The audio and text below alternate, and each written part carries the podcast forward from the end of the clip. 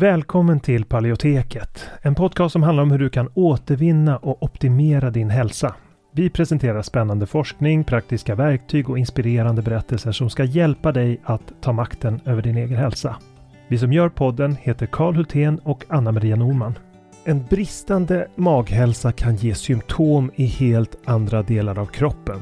Det är något som många tyvärr inte känner till trots att mer än en miljon svenskar har IBS idag. Alltså problem med magen. Och tyvärr är magproblem i de flesta fall inkörsporten till annan ohälsa. Det kan vara inflammation, diffusa symptom, allergier eller autoimmun sjukdom. Och för att möta den här trenden av växande behov så har vi utvecklat kursen Maghälsa på djupet. Där vi går på djupet med att vända dålig maghälsa som SIBO och IBS. Och det här är viktiga delar av kursen som vi talar om och den senaste forskningen på de områdena. Och vi djupdyker i vad forskningen säger om de senaste naturliga terapiformerna, kostmetoder, kosttillskott, probiotika och så vidare. Och kursen den kickar igång fredagen den 3 maj och har fyra olika faser och tre frågestunder live. Och dessutom har vi olika resurser och guider att ladda ner från kursplattformen. Så du kommer få lära dig allt om hur du kan använda kosten som en väg till läkning, när, var och hur, hur du kan använda olika kosttillskott och probiotika. Och om du redan är medlem i Hälsodetektiverna så får du som vanligt en rabatt på allt vi gör, så även den här kursen. Och den här kursen tror vi är en perfekt väg för dig mot en bättre maghälsa där du inte bara får lära dig ett metodiskt tillvägagångssätt för att minska dina symptom utan också förstå de underliggande orsakerna. För att läsa mer om kursen och anmäla dig till den går in på paleoteket.se och klickar på utbildning. Eller klicka dig vidare från länkarna i podcastbeskrivningen. Så varmt välkommen till Maghälsa på djupet. Vi ses där när kursen startar, den 3 maj. Innan vi kör igång med dagens tema vill jag påminna om att den här podcasten har ett utbildande syfte och inte utgör medicinsk rådgivning. Nu kör vi!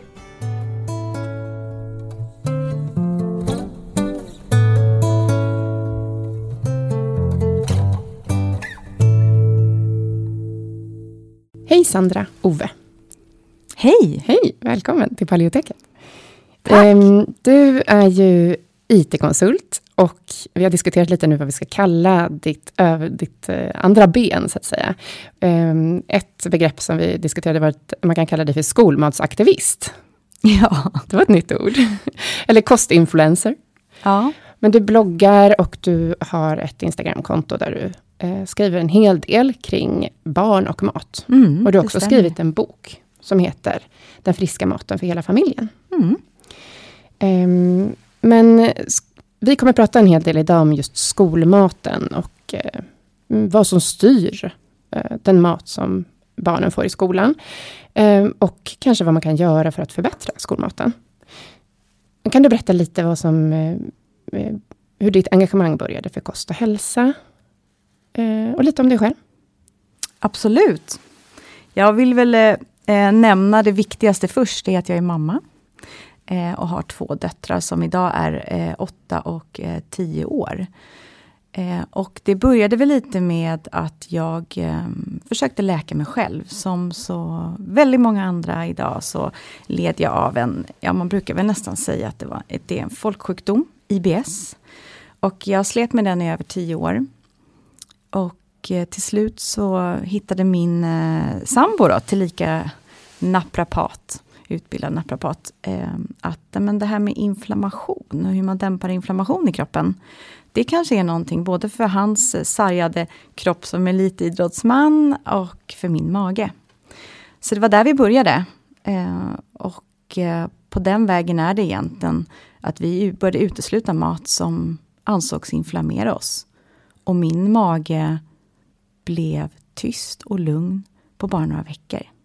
Så det var ju nästan en religiös upplevelse. Helt fantastiskt. Och då hade jag ju gått igenom gastroskopier, undersökningar och försökt ändra kosten. Eh, och eh, försökt stressa ner så man fick rådet, vilket kanske inte alltid är så enkelt. Men det var den där, eh, ta bort eh, maten som inflammerar oss och sen också förse kroppen med näring så att den skulle kunna bygga upp sig och läka igen. Det var det som gjorde det. och på den vägen var det. Eh, och vi insåg väl ganska fort att vi äter sån här mat som tydligen inte är så bra för oss. Och då kan inte vi låta våra barn fortsätta äta. Så att vi involverade våra barn väldigt fort i våran eh, resa mot att bli friska. Eh, och det betyder i början att ta bort först då gluten och, och eh, mjölk. Eller vi tog bort laktos. Som är väldigt vanligt idag. Eh, och mm, fortsatte sen utforska vilka eh, ingredienser, men framförallt kanske då raffinerade produkter som vi kunde ta bort. Så att idag äter vi en väldigt eh, eh, ren mat, brukar man väl kanske säga. Men vad är ren mat? Jo, men det är egentligen mat lagad från grunden. På riktiga råvaror med så få tillsatser som möjligt. Ganska lik som min 94-åriga mormor äter. Minus gluten då kanske. men det är inte så konstigt. Nej. Nej. Nej men du, du, berättade ju, eller du skrev i boken där att du hade mm. någon berättelse när du låg på ditt jobb och ja. eh, hade liksom magknip som jag förstår det. Eller? Vad var det? Det gjorde ont. Och du låg ner och bara ja. väntade på att det skulle gå över. Det var som någon typ av attack, eller? Ja, men jag kallade det magattacker. De kunde ja. komma... Eh, jag fick ju alltid lite varningssignaler av att jag fick eh, en molande verk i ryggen. Och då visste jag att de kom. Eh, och det tog ett par timmar när de ebbade ut. Och visst, jag hade såna här dämpande vad heter det, Novalucol eller Novalucid och sånt där som kunde dämpa lite. Men det var ju såna fruktansvärda kramper. Um, och um, det jag beskriver i boken är just när jag fick ligga under ett skrivbord med, med rocken överdragen. För att liksom vänta ut en sån här magattack. Mm, på jobbet? Ja, på jobbet. Så jag fick ju ligga och smsa min min chef att kan du ställa in nästa möte? Kan du ställa in nästa möte? Du låg där några timmar ja. under bordet? Ja. ja. ja. men det är ju en väldigt tydlig bild. att eh, Alltså hur allvarligt det var då, ja. så att säga. Men, men eh, det jag tänkte också på, du tog också upp stress där. Att mm. det också var en faktor i det här. Och det är ju det ofta i relation till IBS också. Mm. Um, så att ofta behöver man mm. inte, man kan inte bara ändra kosten, utan jag antar att du också ändrat eh, sådana saker. Ja men det har jag, men samtidigt så var det en period, det var innan eh, det var innan barn och jag vet inte, jag brukar, stress är nog den faktorn som är svårast att, att hantera tycker jag fortfarande. Eh, med jobb och det har varit det små barn och det, eh, ja, men det allmänna livet. Eh, så jag kämpar mycket med det idag också. Mm. Men jag vet inte om jag når hela vägen fram. Kanske mer sårbar också då, när du hade de här det är det problemen med magen. Det är det jag tror, mm. faktiskt. Ja, men jättespännande. Ja, men vi ska komma tillbaka lite till det här sen, med hur du och din familj äter. Och eh, hur ni kommunicerar med barnen kring det här med, med näringsrik mat och så. Men först ska vi prata om det här med skolmat. Mm. Um, så, hur kan man påverka maten i skolan och varför är det viktigt att påverka maten i skolan? Um, lite bakgrund kort, att påverka, så skolan har ju, uh, vi har ju lagstiftad skolmat i, i Sverige. Uh, och när man har inledde en, en förändringsresa för sina barn, som vi gjorde när de var små, uh, och de sen började på förskolan, så kom man in i den världen att vi kände att, ja, men, det, det serveras ju en hel del av den här maten som vi har valt att ta bort och som vi eh, mår bättre av att inte äta. Och det var lite jobbigt när vi kom in där i, i förskolan och kände, men hur ska vi göra nu? Och det visade sig ganska fort att eh, barnen faktiskt fick, framförallt min yngre dotter fick ont i magen och eh, min äldre dotter hade ju öronproblem och liknande. Så vi, det första vi gjorde där i förskolan var ju att prata med dem. att man inleder en dialog med eh, personalen både i skolan och förskolan. Och berättar varför. Eh, och förmedla den kunskapen. Och då kunde vi påverka där. Men när man kommer in i skolvärlden, och jag tror att se, de senaste åren har det blivit mycket, mycket strängare med eh, att du ska ha en medicinsk utredning i grunden för att få eh, kunna påverka kosten för ditt barn. Eh, det här är bara några år sedan eh, som vi ändå kunde prata oss till och med en ökad förståelse hos dem. Att vi behövde få utesluta vissa saker. Men idag är det mycket hårdare. Eh, och vi känner fortfarande att det är väldigt, väldigt viktigt att vi eh, kan på något sätt påverka och influera eh, skolmaten utifrån vad vi ser att vi inte tycker att barnen ska äta. Och vår grund är, det är inget konstigt i det, det är att barnen ska få i sig näringsrik och mättande mat på så naturliga råvaror som möjligt. Och det är inte riktigt um, situationen i, i skolmaten idag.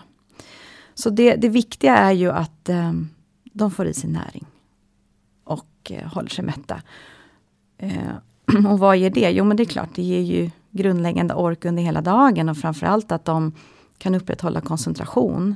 Men många barn har en väldigt aktiv fritid. Eh, och de ska hålla igång på den också.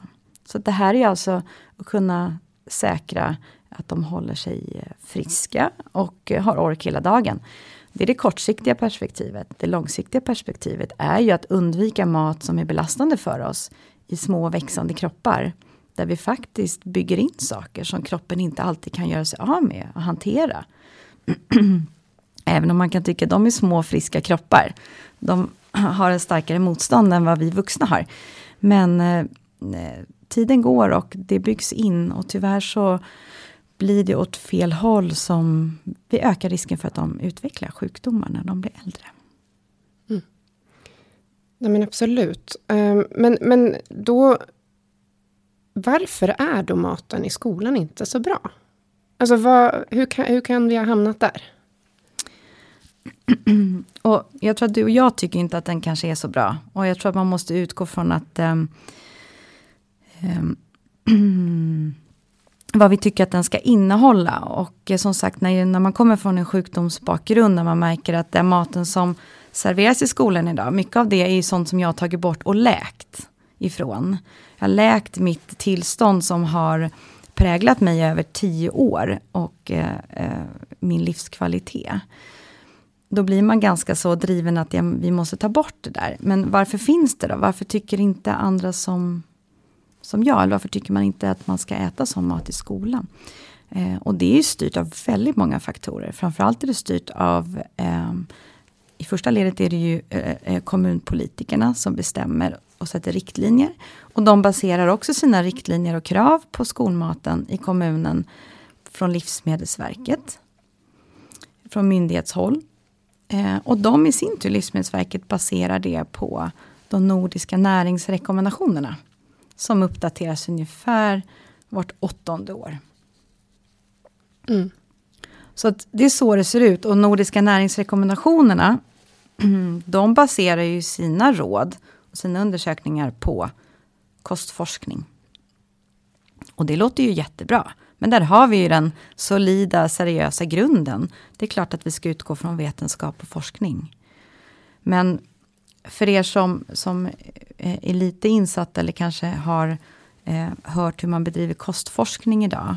Så tyvärr sen långt tillbaka, det är inte så länge man har bedrivit kostforskning egentligen, det är väldigt svårt. Men säg från 40-talet.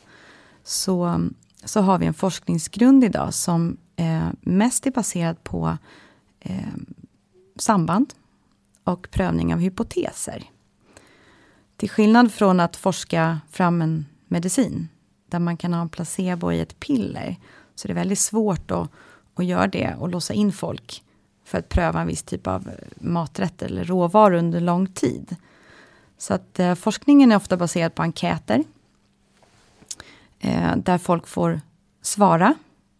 Vilket oftast kan bli lite åt fel håll. Man, för, man försöker ofta försköna si, sin tillvaro i de här svaren. Det, har, det finns forskning på det. Så att eh, tyvärr så är den inte så trovärdig. Eh, och det är jätte, jättesynd för vi baserar våra nordiska råd på mm. det. Det är så observationsstudier. Det är och att det saknas ganska mycket kliniska studier. Ja. Eh, men så, så du skulle säga att den, den grund som de nordiska näringsrekommendationerna vilar på är då väldigt mycket sådana typer av studier, observationsstudier.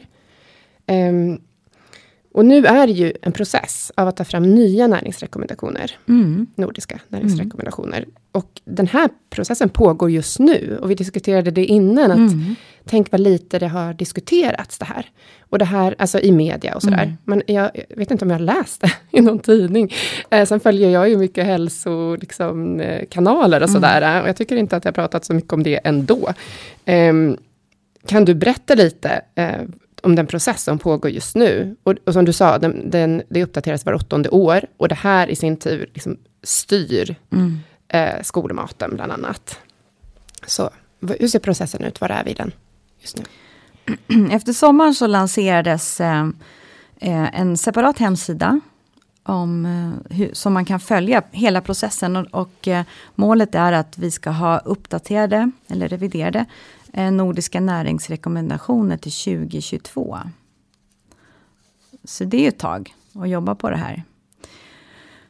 Och varför jag känner till det här, det är ju för att jag ehm, eh, insåg ju ganska fort när jag började försöka påverka min skola, eller vår barns skola, att eh, jag kommer få stånga mig blodig. För de hänvisar till politiker. Det där får du ta med kommuner, det får du ta med politiker om du vill på, påverka de riktlinjer som vi måste basera vår näringsberäkning på.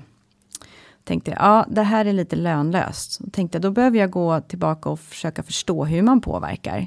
Så jag kontaktade Livsmedelsverket och fick namnet på den, den person som är projektledare för det här arbetet. Så jag har haft lite kontakt med henne under året och frågat när sätter ni igång? När sätter ni igång? Eh, och fick besked att det är nära. Och sen efter sommaren så, så, så eh, kommunicerade man ut då på Livsmedelsverkets hemsida att nu är processen igång, nu är projektet igång. Eh, men från att eh, ha kommunicerat det till att ge den första möjligheten till oss som befolkning att påverka är väldigt, väldigt kort. Eh, så att den 31 oktober eh, fram till den 31 oktober så har vem som helst möjlighet till att spela in ämnen som man tycker är viktiga att de ska ta med eh, och undersöka extra. Det är som sagt mm. en kort period. Och idag är det ungefär 16, 17, jag vet inte exakt vilket datum vi spelar in det här. Och så får vi se när vi mm, publicerar det. Jag hoppas att jag lyckas publicera det så att folk har en chans ja, att göra ja. något. Vad kan man göra då? då? Vad ska man göra? Alltså jag satte mig in i det där formuläret och kände så här, jag kommer skriva själv. Eh, och jag är ändå ganska van att och, eh, läsa studier och forskning och eh, skriva. Men även jag tyckte att det var svårt att se hur ska jag formulera det här, för de har ju såklart en del krav. Så för gemene man, som egentligen bara har ett hjärta och vill kämpa för att kunna påverka, så är det väldigt svårt att formulera sig. Um, och det här är ett, ett, det är ju ett bra initiativ i grunden, men det känns lite mer som att det är spel för galleriet. Är skendemokrati. Absolut, för det, man får en sån kort period. Mm. Och, och det finns anmäla. ingen information om, nästan om att man ska göra det. Det är inte som att de har slagit på stora trumman och gått ut och sagt kom allihopa och Nej, lämna ämnen. Verkligen inte. Och media har mm. Tagit upp det knappt, som du mm. sa. Du, du som ändå är så pass insatt, um, har ju knappt hört det.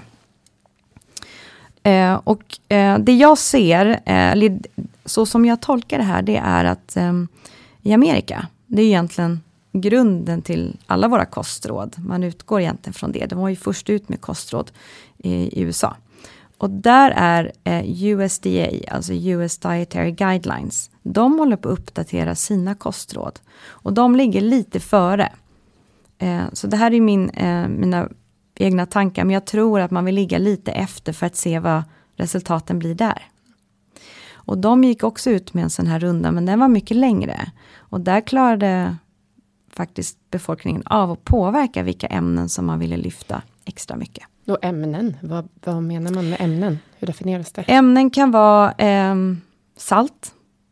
Okay. Titta extra på salt, titta extra på mättat fett, titta extra på kött. Och när vi säger, när jag menar titta extra så är det gå tillbaka till den forskningsgrund som finns. Eh, jag tror även i USA så kom det med vegetarisk kost. Och kost för diabetiker. Inte helt säker, men det var sådana viktiga ämnen. Eh, men den, den processen föranleddes ju av att man faktiskt gjorde en eh, undersökning som jag tog, tror jag tog två år. Där man såg att forskningsgrunden för många av de där ämnena är så pass dålig så vi måste nästan radera allt och starta om. Okej, nu ställer jag en fråga som du inte är förberedd på här. Men vilka ämnen skulle du vilja att de tog upp? Um, inflammation. Biotillgänglighet. Det är ett svårt ord, men jag, om jag får uttrycka en spaning, så tror jag om jag vill skicka med någonting, ni som lyssnar, så sätter in i vad biotillgänglighet be, be, betyder, alltså kroppens upptagningsförmåga av näring. Ehm, den tycker jag är jätteviktig. Särskilt nu i alla prat om vad man kan ersätta för, hur man kan ersätta kött med. Och sen, ja men mättat fett och kött, men det är, det är två ämnen som hör ihop. Väldigt mycket. Om man går tillbaka till forskningen. Men eh, mättat fett och kött, absolut. För den forskningsgrunden, så som jag ser det, så som jag är påläst, så är den väldigt, väldigt svag. Och det är nästan grunden i min oro. Att den är så pass eh, eh svag. Så, att så du tänker att om de skulle um, djupdyka lite mer i det, så ja. skulle rekommendationerna ändras, för då skulle de upptäcka mm. Mm. att uh, det vilar på en bräck, bräcklig grund, uh, de rekommendationerna som är idag. Ja, och det har ju redan gjorts metastudier, det är ju ganska uh, mm. stora metastudier som har gjorts. Eh, och nu kanske jag inte ska sänka det här projektet för mycket, jag hoppas att de faktiskt tar, tar tillvara det som har gjorts de senaste tio åren i form av det. Faktiskt. I form av? I form av de metastudier som ja. har gjorts, som har ifrågasatt och kanske ställt det här lite på ända, att den forskningsgrunden mm. som finns tidigare håller inte riktigt. Nej, mm. Nej men intressant. Så då har vi några områden då som man skulle kunna be dem um, djupdyka i. Mm. Men vad händer sen då, uh, efter den här 31 i tionde? Vet du hur, någonting mer om processen? Ja, men nästa möjlighet till att påverka, jag tänker så att om vi, om vi missar lite den här chansen nu, eh, så nästa möjlighet är att påverka, det är att se till att det sitter rätt expertis runt bordet, som faktiskt ska gå igenom all den här forskningen. Och sätter man folk som alla tycker att jorden är platt runt det där bordet, då blir ju resultatet därefter. Men sätter vi folk runt det där bordet som både har åsikter om att jorden är rund och jorden är platt, så får vi en, ett helhetligt perspektiv där de alla måste komma fram till eh, en gemensam rekommendation. Så det är det viktiga, hur får man in så många perspektiv som möjligt? Och då vet vi ju att det är många forskare, det är många doktorer, det är extremt kunnigt folk som, som ser det här på lite olika sätt. Och alla de måste få vara med. Så att möjligheten till att eh, dels anmäla sig om man känner att nej men jag besitter sån typ av expertis och kunskap. Att jag tror att jag kan bidra runt det forskningsbordet. Eh, eller om ni som lyssnar känner eller har folk i närhet, att ni faktiskt tar en dialog med dem och säger jag hjälper till att anmäla mm. eller jag tycker att du är och, viktig, du bör sitta där. Vet du när man ska anmäla personer? Jag är lite osäker, men undrar om inte det är efter årsskiftet. Mm. Men det, det finns någon hemsida som vi kan länka till. Ja, som beskriver den här äh, processen. Mm. Äh, för att jag tänker att äh, då kan vi dra vårt strå till stacken här och mm. bara se till att fler vet om det här. Absolut. Och sen kommer ju en, efter det, efter ganska långt arbete, så kommer ju en viktig remissrunda. Mm. där också alla får komma och kommentera och mm. skriva in. Just det. Mm. Men härifrån då, vad kan man som förälder göra eh, för mm. att påverka skolmaten? Mm. Man kan tycka att om den, vi kan inte vänta på de där näringsrekommendationerna och eh, uppdaterade kostråd, utan vi lever i den vardag vi gör. Och hur kan man påverka? Precis. Det vi har gjort från början med våra barn egentligen när vi insåg att det finns bättre mat att äta som vi mår bättre av. Det var att börja prata med dem och eh, förklara varför. Och hur förklarar man varför till barn i ett sånt teoretiskt ämne som du egentligen inte kan ta och se på från dag till dag. Och det var egentligen motivera dem med eh, situationer från deras liv och även peppa dem till att ja, men om jag ska orka springa hela fotbollsmatchen eller hur ska jag orka ja, göra saker. Levla i tv-spelet har vi till och med kört med just för att det är där barnen är idag. Eh, och de, vill, de behöver lockas av de situationerna där de kan förstå kopplingen till kost. Och ett konkret exempel som, som har varit väldigt lyckat för oss, det är att sänka barriären och kanske misstänksamheten till skolmaten varje dag genom att kika in på skolmatsedeln på morgonen eller kvällen innan. Och koppla ihop det med att säga, ja men nu har du ehm, eh, gymnastik imorgon efter skolan, du har även gymnastik eh, under dagen i skolan och du har en lång mattelektion. Låt oss titta vad som serveras till skolmat. och då tittar vi på det tillsammans. Och de säger, ja men det där låter inte så gott eller så. Då kan vi föreslå, men ta lite mer av det. Eh, kanske ta någon extra smörklick i, i soppan på de här soppdagarna kan vara en sak. Som gör att de faktiskt eh, håller sig mätta längre. Så små tips. Men jag tror att, den, att sänka tröskeln och misstänksamheten. Och att de vet om redan innan de går in i matsalen vad det är för mat. Gör att de äter lite mer. Och det är det som är grejen. Hur får vi maten att landa i magen? Hur kan vi påverka det? Och det finns fantastiskt engagerad skolmatspersonal idag. Och de trollar, som Paul Svensson, de gör magi av grönsaker.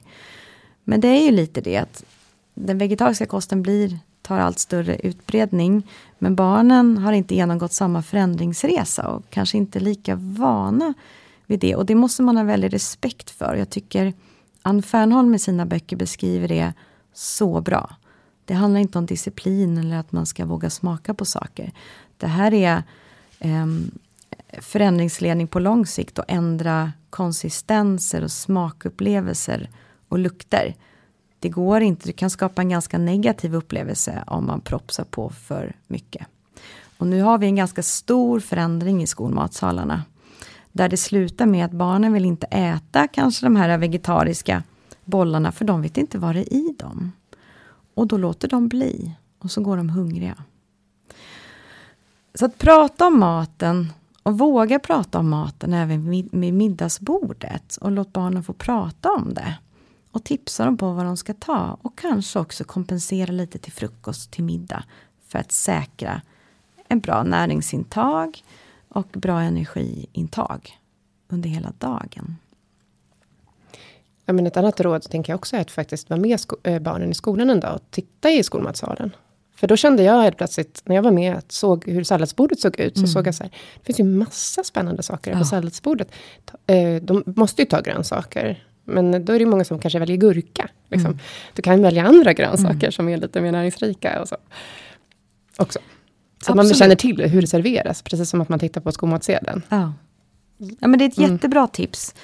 Eh, och eh, i våran skola så har vi, eh, det är en kommunal skola och de har fantastiskt lagad mat. Mm. Men det spelar ingen roll hur vällagad den är om barnen inte är så vana vid det. De har till och med levergryta. Kan du tänka dig? Är det sant? Den är fantastiskt god. men men mm. det är väl en ytterlighet. Men eh, det hänger ju också ihop med man, hur man präglar barnen hemma. Det kan vara väldigt fantastisk skolmat och mycket smaker och variationer. Men har man inte riktigt det hemma vid så blir det ett ganska stort gap däremellan. Um, så jag tror också på att man behöver stämma av och se att man lagar någorlunda lika. Faktiskt. Mm -hmm. Så att barnen får en igenkänning. Alltså barn gillar en igenkänning, de gillar rutiner.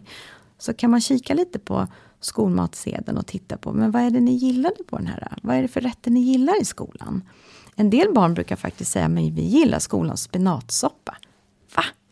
Och det kan vara att de kanske har mixat den lite extra. Eh, de har använt de, kanske alla de 10 procenten man får i energiprocent från mättat fett. Men det kanske de har gjort i den där spenatsoppan för att få den lite gräddig och god. Då kan man försöka göra det hemma. Efterapa det. Man behöver inte gå runt på så himla många rätter. Mm. Men, eh, men skolmaten som sådan, eh, alltså, det går att äta, eller så här, går att äta näringsrikt i, utifrån det som serveras? Skulle du säga, idag? Ja, men om jag vill ha, om jag ska eftersträva optimal hälsa, nej. Då, då ser inte jag att det går. Men nu pratar vi om att vi har ökat med 40% specialkosten i, i, i Sveriges skolor. Och där barn egentligen kanske bara går in och tar pastafjärilarna och så går de ut. Och så sitter de av dem kanske 15 minuter de behöver göra. Så vi har ett problem att få i mat i magen. Eh, och det vittnar ju lärarna om väldigt mycket idag, att barnen inte orkar. Så jag tror att vi måste sänka eh, ambitionen. Och jag tror att, nu kanske det är att, att svära lite i kyrkan, men om ett barn faktiskt kan, om en plocka ihop den här näringsriktiga tallriken som eh, innehåller mer näring än bara de här pastafjärilarna. Mm. Eh, så kommer de klara sig mycket längre. Sen tror jag att vi i, vi behöver påverka näringsrekommendationerna så man verkligen förstår, men vilka råvaror innehåller mest näring? Men jag tror att då gör vi det här lite för avancerat. Vi har liksom gått, vi har backat i form av vad barn äter idag. Och vi är ju präglade, våra barn är ju första generationen som växer upp med väldigt sockerrik mat. Låg, lågt näringsinnehåll med väldigt högt energiinnehåll. Och det har inte vi sett resultatet av än. Vi börjar ju se mm. i form av eh, fetma och övervikt hos barn. Eh, och fler och fler autoimmun, eller förlåt, eh, metabola sjukdomar. Mm. Så jag tror att, att vi ska sänka eh, ambitionsnivån lite och det är okej okay med, tycker jag, alltså en pannbiff, kokt potatis och eh, gräddsås. Och det är ofta sådana rena smaker som barnen tycker men om. Det är väl jättebra. Det känns ja. som att de, eh, det där pastafjärilen känns lite mer oroväckande. Den är oroväckande. Med liten eh, ostsås, ja. men nästan ja. ingenting i. Alltså det är sådär, det blir liksom ingen, ingen Men kontra att du ska göra en, en, en grönsaksgryta med vissa smaker och barnen inte riktigt vet vad det är där mm. i. Um, och jag tror också på att barn är misstänksamma av, av, naturen och det ska man vara. När vi levde ute i naturen så behövde man vara misstänksam för att inte gå på en nit och äta något giftigt eller något mm. farligt. Så det är väldigt grundläggande mekanismer som jag tror att vi måste plocka fram lite mer och förstå dem. Och vi behöver också, med tanke på den sockerrika maten som finns idag, vi måste förstå beroendebeteenden. Vi måste förstå belöningssystemet i hjärnan. Sådana väldigt, väldigt starka mekanismer som inte går att att då truga i ett barn broccoli för att de faktiskt i hjärnan kanske har blivit mer programmerade till eh, eh, mer sockerrik mat. Så det är komplicerade mm, mekanismer mm. som man inte Men du, du pratar ju om förändringsledning i boken också. Ja, jag tycker om precis. att du tar det här management, konsultbegreppet och för in det. Ja. Men, men, att man ska, man ska liksom eh, göra saker och ting stegvis. Och du gav också lite exempel på bra resultat. Som att barnen kanske bara äter lite av det där broccolimoset. Då. Mm. Och att de faktiskt åt upp grönsakerna. Mm. Eller att de valde att äta mm. levergrytan. Eller, mm. Alltså, det är små, små steg. Små steg, absolut. Mm. Eh, men jag tror också att det, där, där hör det ihop med eh, näringstäthet i maten. För att ju mer näringstäthet vi har i maten, desto mindre portioner behöver vi ju servera egentligen. Och jag tror att här måste vi bygga, eh, barnen måste få känna stolthet om att de har lärt sig någonting, inte bara i skolan, utan alltså om sin egen kropp. Och vad de ska förse det här maskineriet med.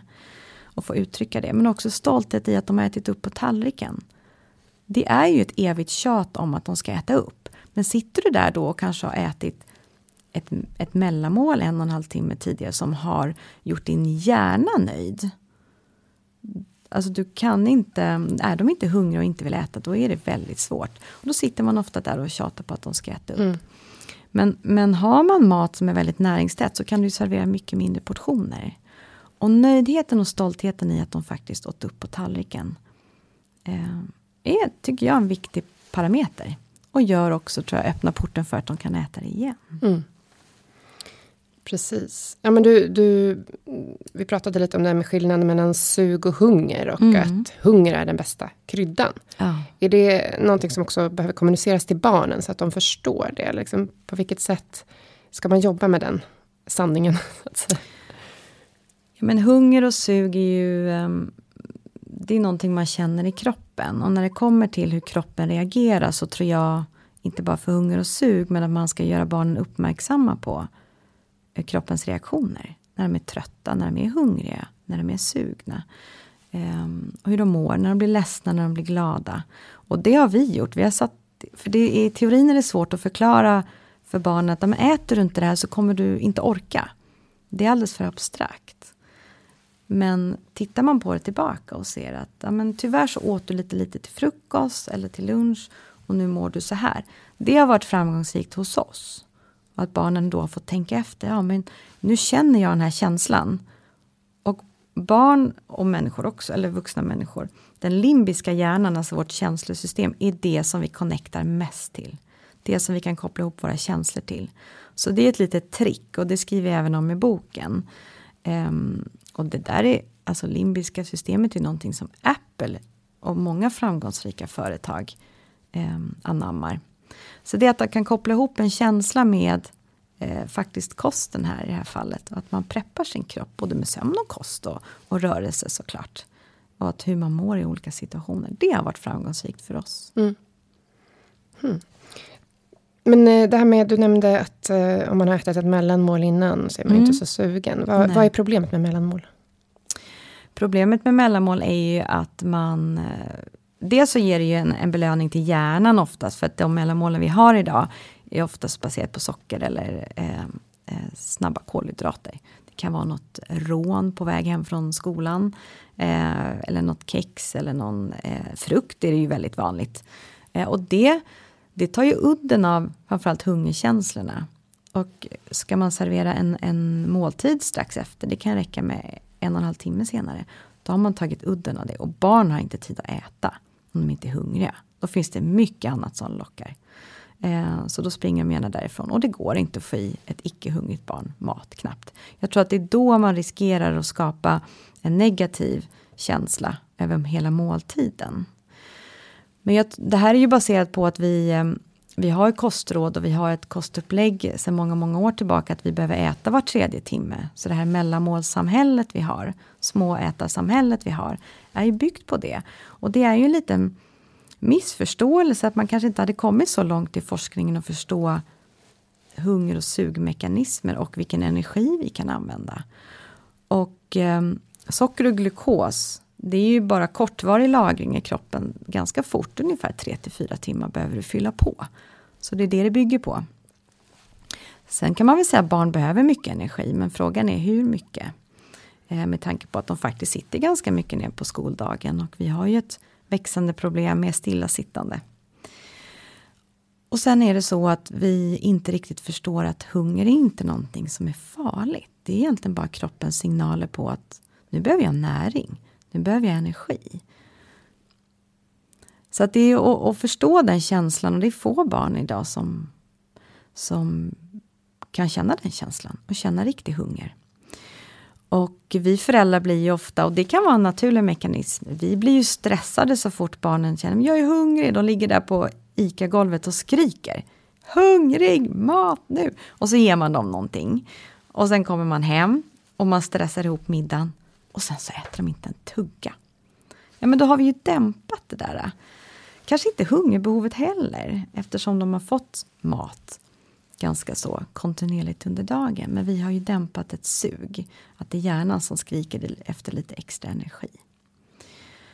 Eh, så hunger tycker jag att det ska man, det kanske man inte ska göra eh, så drastiska förändringar, men man, både som vuxen också, våga känna efter vad hunger är. Mm. Och ska man introducera nytt, det är därför jag säger hunger är den bästa kryddan. Gör det när barnet är hungriga. Då äter barn oftast. Ja, men verkligen. Mm. Um, vi har ju som frukosttallrik med så småplock. Ja. Nu, så det är massa olika saker på tallriken. Och då får de ju bara mer av det de vill ha, när de mm. har ätit upp alltihopa. Mm. Så det är ju mm. kanske så sex olika saker. Och så, det, är bra. det är jättebra. För att de vill ju alltid ha mer av det de tycker är godast. Ja. Uh, men det får de, men bara de har ätit upp allt. Så att um, det är mitt heta tips. Att testa och det grejer. där är en bra avvägning, för ni lägger ju inget dåligt på den där tallriken. Och då får barnen ändå känna Ah, jag får välja mm. vad jag äter först och vad jag äter sist. Så lite den ja, där... precis, det kan ju vara, det är oftast liksom grönsaker och någon, nu har vi någon, gjort någon leverpastej som ja. liksom ligger där och så olika grejer. Um, men um, då är det ju ibland kanske en, en äppelklyfta. Liksom. Så mm. den vill de ju alltid ha mer av såklart. Men eh, det är ju okej, okay, men du kan inte bara äta ett äpple till frukost. Nej, precis. Um, nej, men um, vidare till... Jag tycker det är lite intressant. Alltså, du, ni har ju valt i, eller du har ju valt i din bok att eh, kommunicera eh, de beståndsdelarna som finns i kosten mm. med olika karaktärer. Ja. um, och vi har ju läst den här boken, jag och sjuåringen. Och eh, jag tycker att det är väldigt bra att vi kan hänvisa till det. Alltså de här figurerna då. Mm. Mm. Skulle du vilja berätta om de här figurerna? Och ja. Vad de, vad, de, vad de säger, eller vad ja, de representerar? Absolut. De heter ju kostronauterna. Mm. Eh, och ska då hjälpa barnen framför allt och eh, upptäcka världen, eh, alltså matvärlden.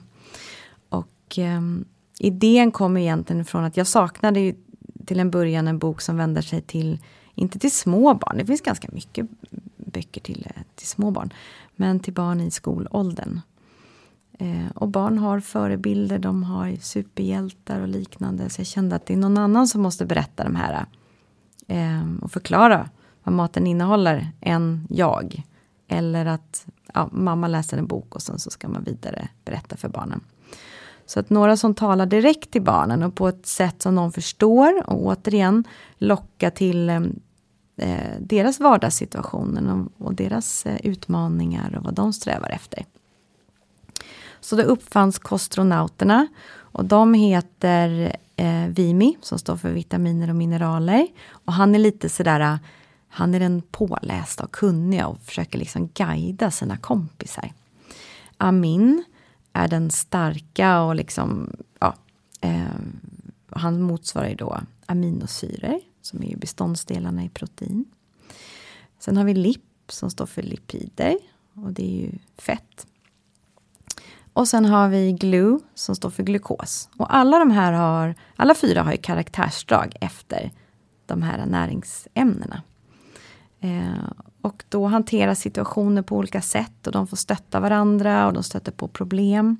Och då är det ett antal historier i boken då.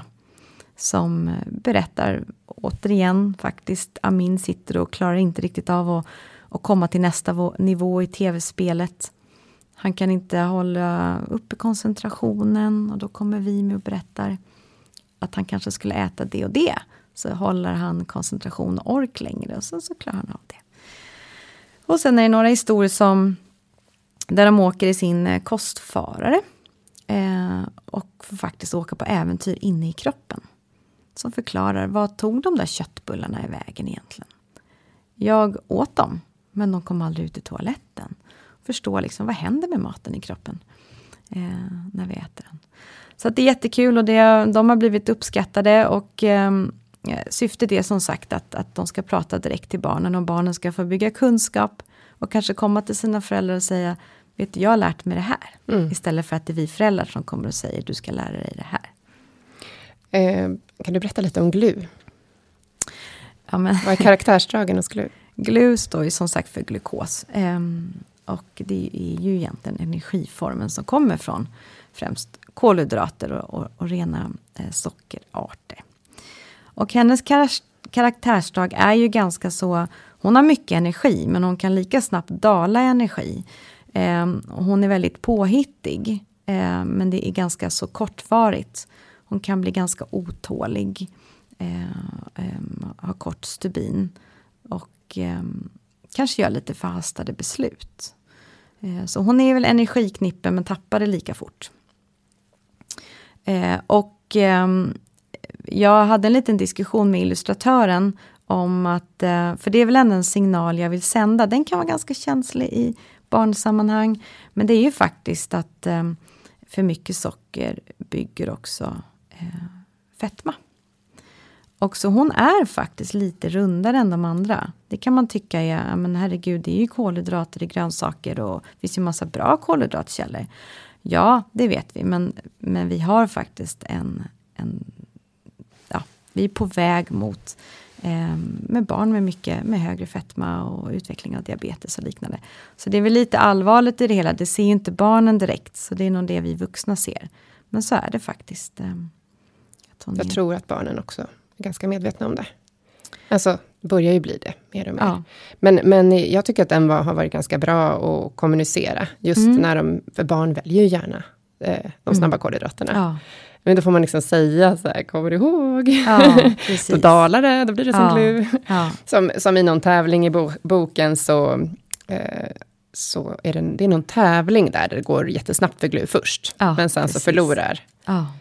Jag kommer inte ihåg om det var en tjej eller kille. Men hon eller han. Uh, Glue, det är ju en tjej. Det är en tjej. Um, I liksom, uh, fart där. Ja, um, hon tappar helt plötsligt, mm. försvinner farten. Mm. Mm. Men sen kommer de väl fram till att de ska bygga tillsammans.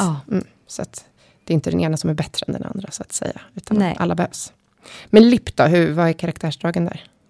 lipp, eh, och jag kunde inte låta bli eftersom jag eh, jag själv använder gärna den energikällan, alltså eh, fett. Och känner att jag mår väldigt bra där, men jag, vi ser ju ganska tydligt hos barnen eh, när vi har en, en högre fetthalt i maten, att de är mycket, mycket mer uthålliga och upprätthåller koncentration och liknande. Så det är verkligen en superfood om man ska använda ett, ett poppis uttryck. Eh, och hon är ju, hon är, hon är ganska lugn lipp. Hon ser väldigt stark ut. Eh, och jag kunde inte låta bli att göra, alltså att hon ser ganska så, ja, man ser stark och frisk ut helt enkelt. Och, och det speglar egentligen bara hur, hur vi känner och hur vi har mått av att äta den maten. Så hon är lugn, hon är väldigt uthållig. Det är väl framförallt det. Hon är uthållig och kan hålla koncentrationen och problemlösningen mm. mycket längre än sina kompisar. Precis. Men där tänker jag också en, en viktig sak att förklara för barnen är ju också att i, ofta i liksom, eh, proteinkällorna, man mm. tänker fisk, fetfisk mm. till exempel, där finns det ju mycket fett. Mm. Så det går ju inte i livsmedel att skilja på vad som är fett och vad som är protein egentligen, för det finns ju i samma livsmedel. Mm. Men det är skillnad på att äta magert, till exempel mager fisk eller ja. fet Men det är väl därför den historien också när de ska bygga, när de ska jobba tillsammans. Mm. Eh, att eh, det behövs ofta, särskilt i en eh, i, eh, på en, ett barns tallrik. Att använd amin, lipp, glue och vimi, alla de måste finnas tillsammans på den där tallriken. Mm. Då mår barnen bäst. Mm. Mm. Nej, men sen är ju den här boken, den har ju två delar där. En som riktas till barnen, som heter Kostronauterna. Kostronauterna visar vägen till en piggare vardag med naturlig mat, mindre socker och mer näring. Och sen mm. vänder man på den andra hållet. Och då är det till föräldrar, den friska mm. maten för hela familjen. Mm. Och där har du ju också valt att liksom göra det ganska enkelt. Mm. Uh, och uh, då finns det ju uh, dels tips kring den här förändringsledning som du nämnde. Mm. Och sen är det såna olika smakportioner. Du vill ge faktan men i en ganska enkel form. För du tänker att föräldrar har säkert inte så mycket tid heller att läsa och sätta sig in i det. Så det är som ett uppslag per tema på något sätt. Ja, precis. Har du någon smakportion som du skulle vilja dela med dig av? den är uppdel, smakportionen är uppdelad i, i, i, i, två kategorier. Några är ju egentligen mer grundläggande näringslära och bara det kan man känna, men gud vad seriöst, det klarar inte jag av att sitta och, och läsa, har jag tid med det? Men det, det, var, det var min målsättning att kunna författa det på ett uppslag, precis. Men den andra är mer smakportioner i vardagen. Och de ligger ju väldigt nära till hands och där är en av dem, hungern är den bästa kryddan eh, faktiskt, som, som har varit väldigt framgångsrik. Och det är många som har kommit tillbaka och sagt att den, är, eh, den fungerar. Eh, och jag tyckte att du sa ett väldigt bra exempel på en annan smakportion. Det är att ge barnen lite så beslutande rätt. Att de får välja vad de ska plocka på tallriken. Eh, men man, gör ju, man har ju en palett av bra val. Så att det blir en balans i att, att, de, att de gör de valen. En, en annan smakportion just på vardagssidan är ju det här med, den heter half and half. Och det handlar ju om att dagens portioner har blivit så stora. Och den försöker vi säga att ja men eh, den här bullen eller den här glassen eller vad nu ska, om man ska eh, använda sig av någon treat, det är ju i vuxenstorlek. Och du är ett barn, du är hälften så stor som jag, därför får du en halv. Eh, den är ju inte så, ni kan ju förstå reaktionerna på den, men man behöver faktiskt eh, i alla fall säga det, så att de inte tror att det är så här det ser ut. Eh, och kroppen har bara en halv möjlighet att hantera det. Ehm, den brukar vi köra Den var också. intressant, den kan mm. jag sno. Ja men det är ju lite så. jag ska alltid få dubbelt så mycket. Det är, vuxen, ja, det är vuxenstorlekar som uh. ofta serveras. Ja, mm. ja, det är sant. Um, Nej, men det finns väldigt mycket eh, att prata om i relation till, till de här mm. smakport smakportionerna. Men eh, har du någon mer som du skulle vilja? Nej, men jag, vill, jag kan väl bara få, få kommentera kort varför jag kallar det smakportioner. Och det har att göra med att vi, jag tror vi många kan känna igen oss i att vi har jättefina hälsoböcker och inspirationsböcker. Med recept och som vi har en ambition av att läsa. Men i den kanske stressade vardag vi har. Vi har lite tid att sätta oss ner och läsa från perm till perm, de här fina böckerna. Vilket gör att vi känner vi, vi kanske känner oss lite misslyckade. Men jag skulle läst det där och jag skulle påbörjat den förändringen och jag vill ställa om där. så var ju tanken med smakportionerna att man ska känna sig nöjd. Det räcker med att läsa en sida, sen kan du gå och ta den där tvättkorgen. Eller du kan börja med maten eller du kan skjutsa barnen till träningen. Och då har du fått komma till ett avslut. Att du känner att jag är nöjd, jag har tagit till mig den där smakportionen i det ämnet. Och om jag tycker att det är superintressant, då finns det en hel värld av, av just den att kunna fördjupa sig inom. Ja, men det där är ju jättebra. Jag tror att många kan känna stress över hela det här. Att de vill, ja, men vill ju att barnen, mm. de vill själva vara insatta och vill ja. att barnen ska äta bra. Men också den här stegvisa processen som du visar, liksom att säga, men var nöjd då att barnen åt ja. upp broccolin där. Alltså det, det är mm. bra. Mm. Även om du liksom kanske skulle vilja nå ännu längre. Mm. Men eh, slutligen skulle jag vilja att du, du, skulle få möjlighet att berätta lite om ett ny, nytt projekt som du håller på eh, och driver. Eh, och det handlar ju lite om eh, att du vill kombinera din bakgrund som IT-konsult med ditt kostintresse. Ja, precis. Vad är det här för projekt och eh, vad syftar det till? Ja, men jag tror att jag var inne lite på det förut, att eh, det kan finnas en väldigt engagerad eh, skolpersonal i, eh, och man trollar med rätterna och man engagerar dem och lagar nytt och det är variationsrikt. Och sen kommer barnen hem och så är det en annan palett där, kanske inte lika färgrik och, och, och kanske helt andra eh, maträtter. Och jag tror att idag så rimmar de här väldigt dåligt. Att man försöker engagera, man försöker häva kunskapen hos barnen om kost och hälsa och näring i skolan. Men det är ju faktiskt så att skolmaten står ju bara för en tredjedel av barnens eh, näringsintag under en dag. Och så blir det ett glapp däremellan.